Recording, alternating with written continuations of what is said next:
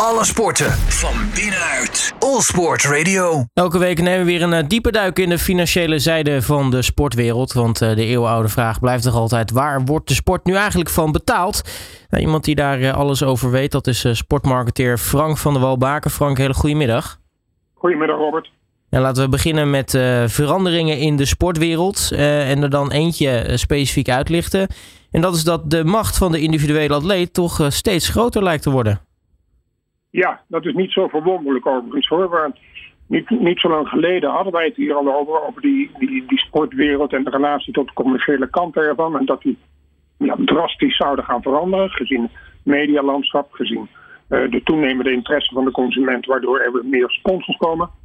Maar ik heb toen onder andere gezegd dat, naar mijn mening, de macht van de individuele atleet, eh, en nogmaals mede door veranderingen in met name het medialandschap, en denk dan aan met name weer de social media, uh, dat die macht vele malen groter zal worden. Overigens is het, uh, moeten we daar best over eventjes in de geschiedenis duiken, want die macht die was er al langer. Want als we even echt diep in ons geheugen duiken, dan kunnen we ons herinneren dat Johan Cruijff in de tijd al weigerde met de drie Adidas-streepjes op het oranje shirt van het Nederlands elftal te spelen. Dit vanwege zijn eigen kledingmerk. En hij ja, kon het zich in zijn eigen ogen, en daar kon ik me helemaal in vinden, niet veroorloven om in een concurrerend kledingmerk te lopen. Dat is in deze een door, dan een soort ja, uh, minachting naar je eigen uh, inkomen en je eigen werk. Hoe dan ook. Paris Saint-Germain ster Kylian Mbappé, nou niet onbekend natuurlijk, weigert op dit moment te participeren in sponsoractiviteiten van de Franse nationale ploeg. Op 20 september zou er een fotosessie plaatsvinden van die Franse nationale ploeg met het oog op het aanstaande wereldkampioenschap dat in november wordt verspeeld in Qatar. Mhm. Uh, maar Mbappé verscheen niet op die fotosessie. Uh, in een verklaring riep hij, of liet hij roepen: Ik wens inspraak aan welke sponsors ik mijn portretrecht geef op verkoop. Uh, zo meldt hij niet mee te zullen werken, sowieso aan reclameactiviteiten voor fastfoodketens en gokbedrijven. Nou, en laat die Franse bond nu toevallig in beide branches sponsors hebben. Dus uh, ik vermoed, of ik weet eigenlijk wel zeker, dat dit leidt tot het bekende fenomeen van één schaap over de dam. Als de eerste atleet, een topper natuurlijk, een smaakmaker, een spraakmaker als Mbappé, dit niet alleen roept, maar ook doet, dan zullen er ongetwijfeld meer atleten uh, gaan komen die hetzelfde gaan roepen. Dus uh, opvallend overigens in deze is tenslotte dat de Franse coach van de Franse nationale ploeg, Didier uh, Deschamps, die kiest de zijde van Mbappé in deze. Dus hij wordt betaald door de bond, maar hij kiest de zijde van, van Mbappé. Ik begrijp dat, want hij is verantwoordelijk straks voor de resultaten in Qatar. En hij, zijn Franse nationale ploeg kan niet zonder Mbappé. Dus dat hij Misschien is hij daar wel helemaal niet mee eens, maar dat hij de, de kant kiest van Mbappé is heel begrijpelijk. Het wordt ongetwijfeld vervolgd. Dan uh, de toch uh, nou ja, een soort van trend hè, die gaande is. Uh, Amerikaanse private equity fondsen die investeren in Europese sportproperty. daar kunnen we het zo'n beetje elke week denk ik wel over hebben. Ja, ik, ik moet daar inderdaad een selectie in maken. Want elke week komen er wel weer nieuwe investeringen tot mij. Uh, en dan met name natuurlijk in het Europese voetbal. En dan met name in de meest interessante competitie natuurlijk in Engeland, de Premier League. Maar we kunnen er in ieder geval eentje die ik heb uitgelicht toevoegen aan die reeds lange lijst. Um, het niet onbekende Silver Lake. Uh, dat is ook zo'n private equity fonds vanuit Amerika met het hoofdkantoor in Silicon Valley, uh, even buiten Los Angeles. Heeft haar aandeel dat de, dit Silver Lake al had in de City Football Group. En die City Football Group, Robert, dat ken je. Dat is met een, aan het hoofd natuurlijk Manchester City. Mm-hmm. Maar dat is die City Group die intussen, ik geloof al negen, zo niet tien clubs echt wereldwijd heeft in Japan, in Australië, in Amerika. Dus dat is een echt groot conglomeraat. Uh, het aandeel van uh, Silver Lake in die City Football Group is verhoogd van 10% naar 14,5%. Dan zou je zeggen dat is niet zoveel, die 4,5%. Maar Datzelfde Silver Lake betaalde in 2019 500 miljoen dollar voor die 10 procent. Waar, waardoor de City Football Group, waarin onder andere de Manchester City, ehm, in een waarde vertegenwoordigde in die tijd, 2019 dus, van 4,8 miljard dollar. En uh, neem van mij aan dat dat intussen alweer fors is gegroeid. Silver Lake is overigens, dat is niet de eerste investering in sport, of de enige. Ze zitten ook al met grote bedragen in het Nieuw-Zeeland rugby, de All Blacks. En ook in de Australische hoogste voetbaldivisie. Dus uh, Silver Lake die, uh, heeft zijn ogen heel duidelijk gericht op sport. En dit zal niet de laatste investering zijn van dit bedrijf en van vele andere equityfondsen. Dan uh, Saoedi-Arabië, over uh, dingen gesproken waar we het uh, elke week wel over kunnen hebben. die zijn natuurlijk behoorlijk actief in de sportwereld de laatste tijd. sterker nog, ze, ze willen eigenlijk weer een, laatst, een, een, een nieuw ja, sportevenement aan hun nou ja, kalender toevoegen. Ja, het is bijna zo, Robert, dat er wekelijks wordt er wel een, een nieuwe investering van Saudi-Arabië in de sport geannonceerd. Uh, dit keer, um, ze hadden al de, de, de, de Spaanse Supercup naar zich toe getrokken. Uh, voor een bedrag van 250 miljoen dollar maar liefst. Maar nu heeft datzelfde Saudi-Arabië um, um, het Private Equity Fonds, hè, dat is opge... Oh nee, Private Investment Fund moet ik zeggen.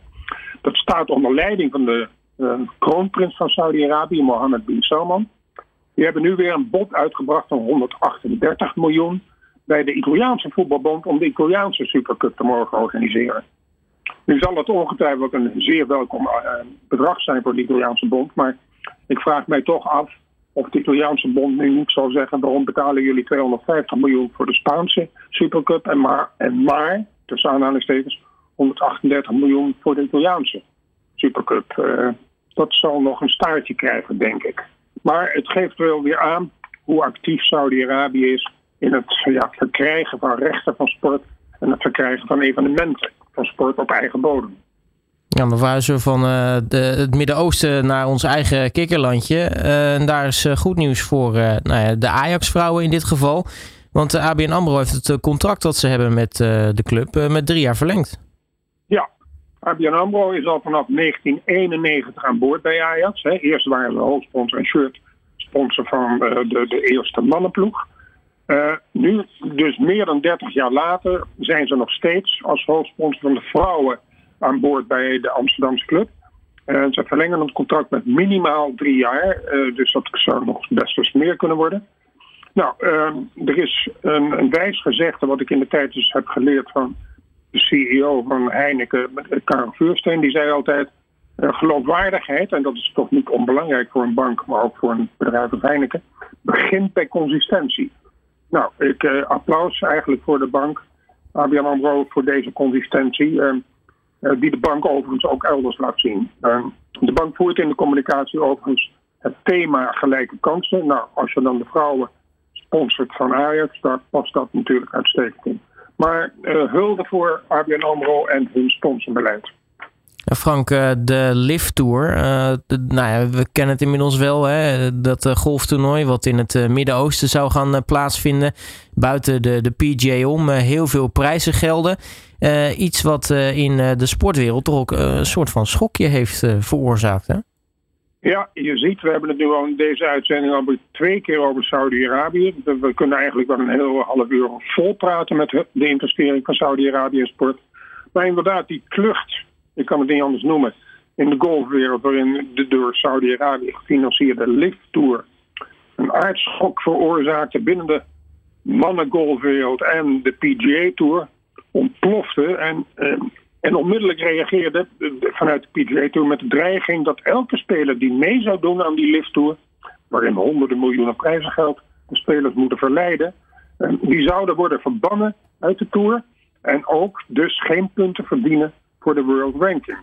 Nou, dat is best wel gevoelig, want veel van die contracten van die individuele golfspelers, eh, die zijn, de sponsorcontracten, die zijn gebaseerd op hun World Ranking. Dus als ze daar niet meer op voorkomen of uh, daarop sterk gaan zakken, uh, dan komen hun sponsorcontracten in het geding. Aan de andere kant, ze krijgen dusdanig veel plussen en incentives in die lift tour, dat het wordt nog een interessante situatie. Want uh, deze tour anders, is ook anders van opzet dan de PGA Tour. Want hij bestaat uit 12 teams uh, van vier personen. Dus dat doen er maar 48 aan mee. En ze spelen uh, over, verspreid over de hele wereld 14 toernooien. Um, en wat is opmerkelijk is dat de teams zelf kunnen individuele sponsors aantrekken. En neem bij mij aan dat er daar ook wel weer een aantal zullen komen uit Saudi-Arabië. Uh, en die sponsoring, die gelden, die komen dan geheel ten goede aan de spelers in zo'n team. Dus naast de enorme prijzengelden, hè, de, de, ik, ik, zou bijna zeggen exorbitante prijzengelden, de totale prijzenpot is 405 miljoen dollar, uh, krijgen ze dus ook nog inkomsten uit zelf geactiveerde gelden. En dat zelf activeren kunnen ze natuurlijk uitbesteden aan een bureau. Um, daar bleef het overigens niet bij, want die lifttour onder leiding van Greg Norman, die voor heel veel geld is ingehuurd, diezelfde Greg Norman die wist sowieso al de topper Dustin Johnson, een voormalige nummer 1 van de wereld, maar nog steeds in de top uh, 5, meen ik.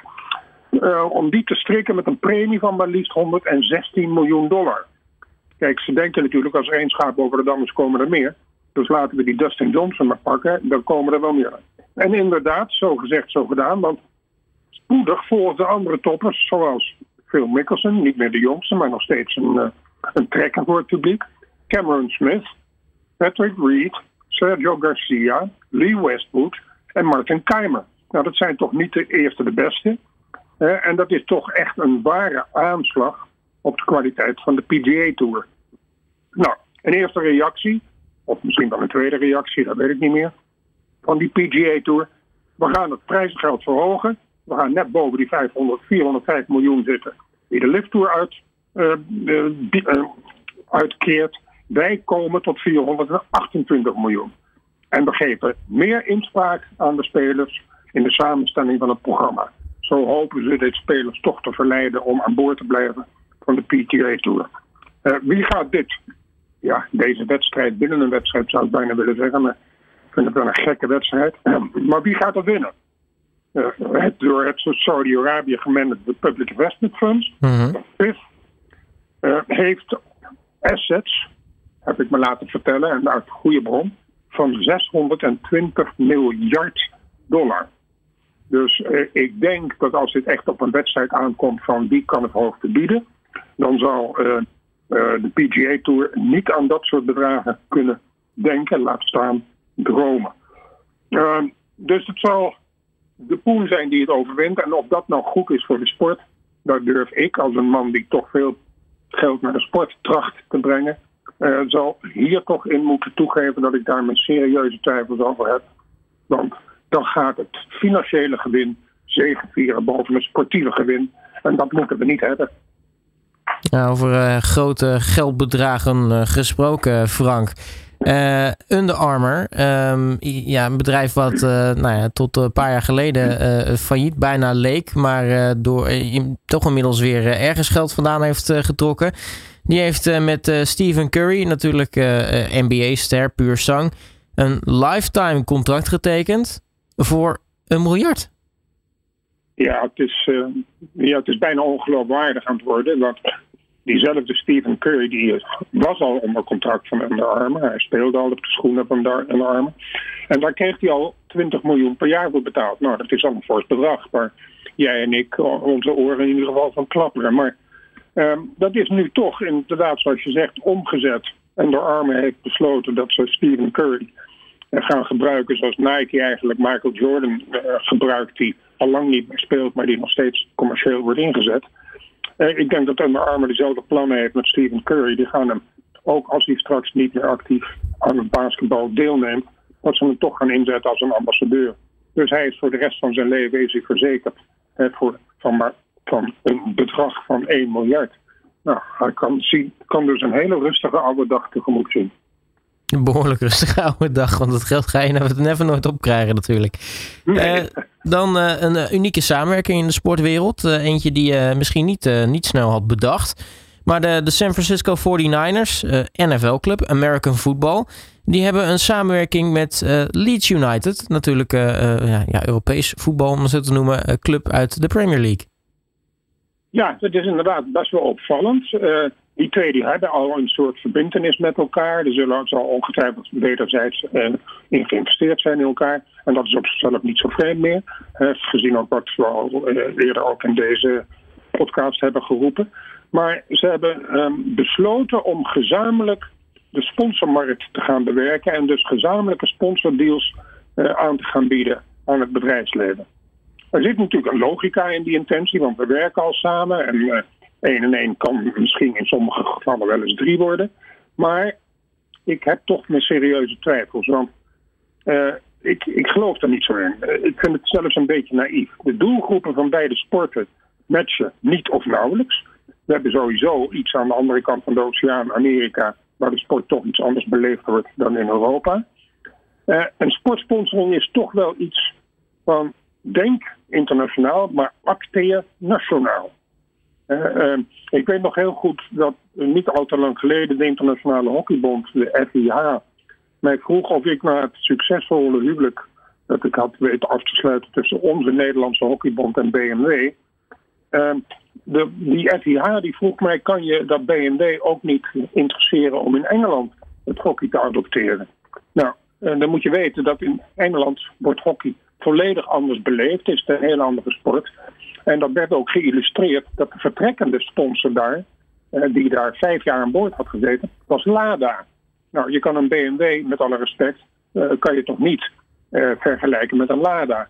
Maar een, sponsor geeft ook aan wat voor soort sport we het over hebben en hoe de doelgroep in elkaar zit. Dus dat je nu het American Football, een hele bekende club daar, de Francisco 49ers, dat die dezelfde doelgroep zouden hebben als Leeds United in Engeland uh, als club van de Premier League. Daar heb ik serieuze twijfels over. Dus ik vind dit meer een, ja, een, uit, een, uitroep, een, stellingname naar de bühne dan dat ik dit zie slagen. Maar goed, wie, wie weet word ik uh, absoluut gecorrigeerd. Nou, dan een uh, onderwerp waar jij uh, vaak uh, nogal sceptisch over bent. Een naamskoppeling aan stadions. Nu, weten we in Europa ja, zijn er dus vaak dusdanig legendarische stadions dat het misschien eigenlijk een soort van ja, misschien niet zo'n hele slimme, slimme manier is van, van je naam aan een, aan een stadion koppelen. Maar in Amerika is het juist een big business. Ja, um, inderdaad, zoals je zegt, Robert, onze luisteraars die, die, die, die weten inmiddels dat ik nogal sceptisch ben over naamskoppeling. Uh, zeker in Europa, want daar heb je de stadions met traditionele namen. En daar moet je als sponsor niet aan willen komen. denk aan Stamford Bridge, dat is Stamford Bridge, dat is van Chelsea. Denk aan Anfield Road, denk aan Old Trafford. Denk aan het kasteel in, in, van Sparta, waar Aneco het ook heeft getracht, maar snel zich weer heeft teruggetrokken. Denk aan de Kuip, denk aan Bernabeu, denk aan Camp Nou, denk aan Wembley. En, nou ja, zo kan ik nog wel even doorgaan. Uh, alleen als er sprake is van een nieuw stadion, dan kan het werken. Denk aan het Philipsstadion, denk aan de Allianz Arena van Bayern München. Dat weet niemand anders meer. Maar de fans zijn gebonden aan de traditionele naam. En als je daar een, een, een commercieel merk voortplakt, voortplakt, dan denk ik dat de fans dat absoluut niet zullen nemen. En de media ook niet. He, Barcelona probeert het nu met Spotify onderdeel van het nieuwe contract van de nieuwe shirtsponsor van Barcelona. De onderdeel van dat contract is ook dat uh, Camp Nou wordt verbonden. En dat gaat heten Spotify Camp Nou. Nou, ik durf je te voorspellen, Robert, dat de media dat sowieso niet oppikken, maar de fans sowieso niet. Sterker nog, ik denk dat fans daar niet echt een sympathiefactor voor het merk Spotify zullen krijgen. Niet dat het uh, schade zal opleveren, maar uh, het is Spotify niet alleen bedoeld natuurlijk om de playlists en uh, te gebruiken van de spelers, maar ook om sympathie te, sporen, te scoren bij de fans. Nou, dus ik uh, heb daar mijn serieuze twijfels over. in de grote rij van stadions die constant van naam veranderen voor je elkaar, is er echter toch weer eentje bijgekomen. En dat is dus inderdaad in Amerika. de MLS, een Major League Soccer Club, Salt Lake, had al een 2 miljoen per jaar contract met Rio Tinto hè, voor het stadion. En dat hebben ze nu ingeruild voor een 6 miljoen dollar per jaar. Voor 15 jaar lang. Met America First Credit Union. Waardoor het stadion de nieuwe naam gaat krijgen. American First Field. Wat ik overigens best wel een originele naam vind. Maar kennelijk in Amerika accepteren ze dat sneller dan in Europa. Nou, nou ja, daar zijn uh, natuurlijk alles is daar wat, uh, wat commerciëler. Dus uh, waarschijnlijk wordt het daar met de paplepel ingegoten. Um, ja. Dan iets, iets, iets heel anders. omkoopschandalen in de sport. nou ja, dan denk je toch vaak aan, aan loesje landen. Maar dit keer een, een omkoopschandaal in Japan. Ja, overigens denk ik niet alleen aan loesje landen, Robert. Want we hebben natuurlijk het tijdperk van meneer Blatter achter de rug. En meneer Platini en Qatar en nou ja, dat zijn allemaal rijke landen. Maar goed, dat, even dat terzijde. Er is nu in Japan uh, is er iets gaande. We hebben net natuurlijk de, de, de Tokyo Olympics, of net alweer een jaar geleden, achter de rug. En rond die Tokyo Spelen zou het een en ander zijn gebeurd dat niet helemaal door de beugel kan. daar is een meneer Takahashi, die was daar verantwoordelijk voor de organisatie van de Spelen zijn inmiddels meerdere verdenkingen in een grootschepsonderzoek naar corruptie rond die Spelen van Tokio. Um, nu eh, moet je weten dat Sapporo, al eerder uh, gastheer voor de winterspelen, wil in, in 1972 was dat, wil in 2030 wederom de winterspelen organiseren. Maar die kandidatuur die komt nu in gevaar door die geruchten van Tokio.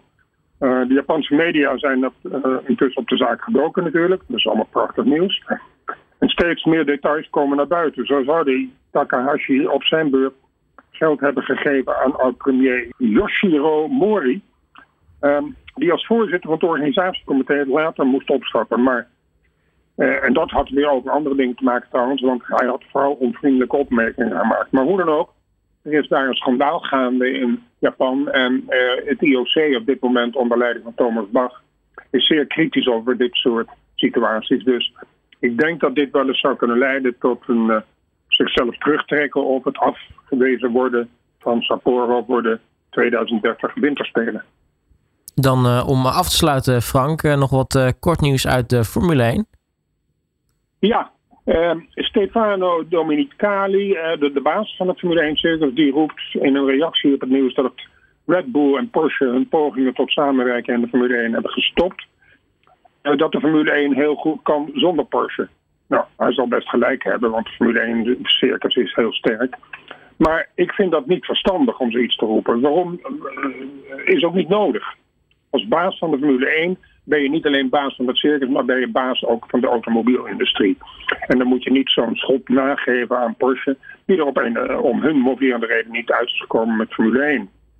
Uh, eh, trouwens, hij heeft er ook niets mee van doen, dus waar bemoeit hij zich mee? Maar goed, dat even terzijde. Ik vind dat een stukje ijdelheid weer van zo'n meneer die zichzelf op het podium wil plaatsen, het niet gepast is en zeker niet in belang is van de Formule 1 en zeker niet in belang van Porsche. Dan een tweede iets, de Grand Prix van Monaco, die enigszins op de helling stond of die zou doorgaan, die blijft definitief op de kalender. Er is voor drie jaar bijgetekend. Het komt bijna ook niet anders, want de race is een begrip. Ook al is die race niet echt gewild bij de coureurs, want ze vinden het een beetje een Mickey Mouse circuit. Maar voor het publiek en voor de beelden op televisie, en dat is natuurlijk toch belangrijk voor Liberty, de eigenaar, is het een gouden race. En hij blijft dus gelukkig op de kalender. Dan uh, het McLaren Formule 1 team heeft een nieuwe sponsor weten vast te leggen vanaf 2023, volgend jaar dus. Het whiskymerk Jack Daniels, ja een whiskymerk, zal vanaf het volgend jaar op de twee auto's en op de raceauto's van beide rijders verschijnen. En ook nog op de helmen van de pitcrew. Waarom dat laatste er nou aan toe wordt gevoegd is mijn raadsel, maar goed. Ik vind het best wel vreemd. Uh, we leven in een tijdperk waarin er hoe lang ook kritischer ook naar sponsors wordt gekeken. En dan een, zo, een echt zwaar alcoholisch merk op een auto plakken. Dat vind ik niet verstandig in het kader van drinking en driving. Overigens zijn bedragen niet bekendgemaakt, maar gezien het feit dat ze op de auto komen en op de overal zal het een substantieel bedrag zijn. Red Bull meldt ook twee nieuwe sponsors. Uh, Porsche gaat dus niet door, maar zonnebrilmerk Blenders Eyewear heeft voor drie jaar getekend. Dus wees niet verbaasd als we vanaf uh, en nu uh, zowel Perez als Max opeens regelmatig met de zonnebril op zullen zien. Ook hier is helaas geen bedrag onthuld, dus daar kan ik u niets over mededelen. en daarnaast is het Engelse sportkledingmerk Castor vastgelegd als de kledingpartner en die vervangen Puma. Ehm, dat vind ik best wel interessant. Uh, maar Castor is een sterk aan de weg timmerend merk. En Puma, ja, die is al established, om het maar zo te noemen. Maar Castor zal toch behoorlijk hebben moeten betalen. Want het is toch niet voor niets om het merk dat wereldkampioen is in de Formule 1, om die van kleding te gaan voorzien. Ten slotte, uh, de kalender van volgend jaar, hè, waar dus weer Monaco op staat. Telt 24 races en het is een absoluut record. Zandvoort, uh, de Dutch Grand Prix, zal plaatsvinden op 27 augustus. Uh, het seizoen start op 5 maart in Bahrein en eindigt in Abu Dhabi op 26 november. Dus een echt lange winterstop is er echt niet meer. Die 24 kan overigens nog 23 worden, omdat er nog steeds ook een vraagteken hangt over de China Grand Prix op 16 april. In verband met COVID-maatregelen van China die nog steeds van kracht zijn. Nog één laatste dingetje. De Britse Grand Prix, oorspronkelijk gepland voor 9 juli, is een week verschoven naar 16 juli om niet op dezelfde dag plaats te laten vinden als de Wimbledon finale. Dat vind ik wel heel verstandig. En uh, dat geeft ook een waardeoordeel aan Wimbledon en aan tennis.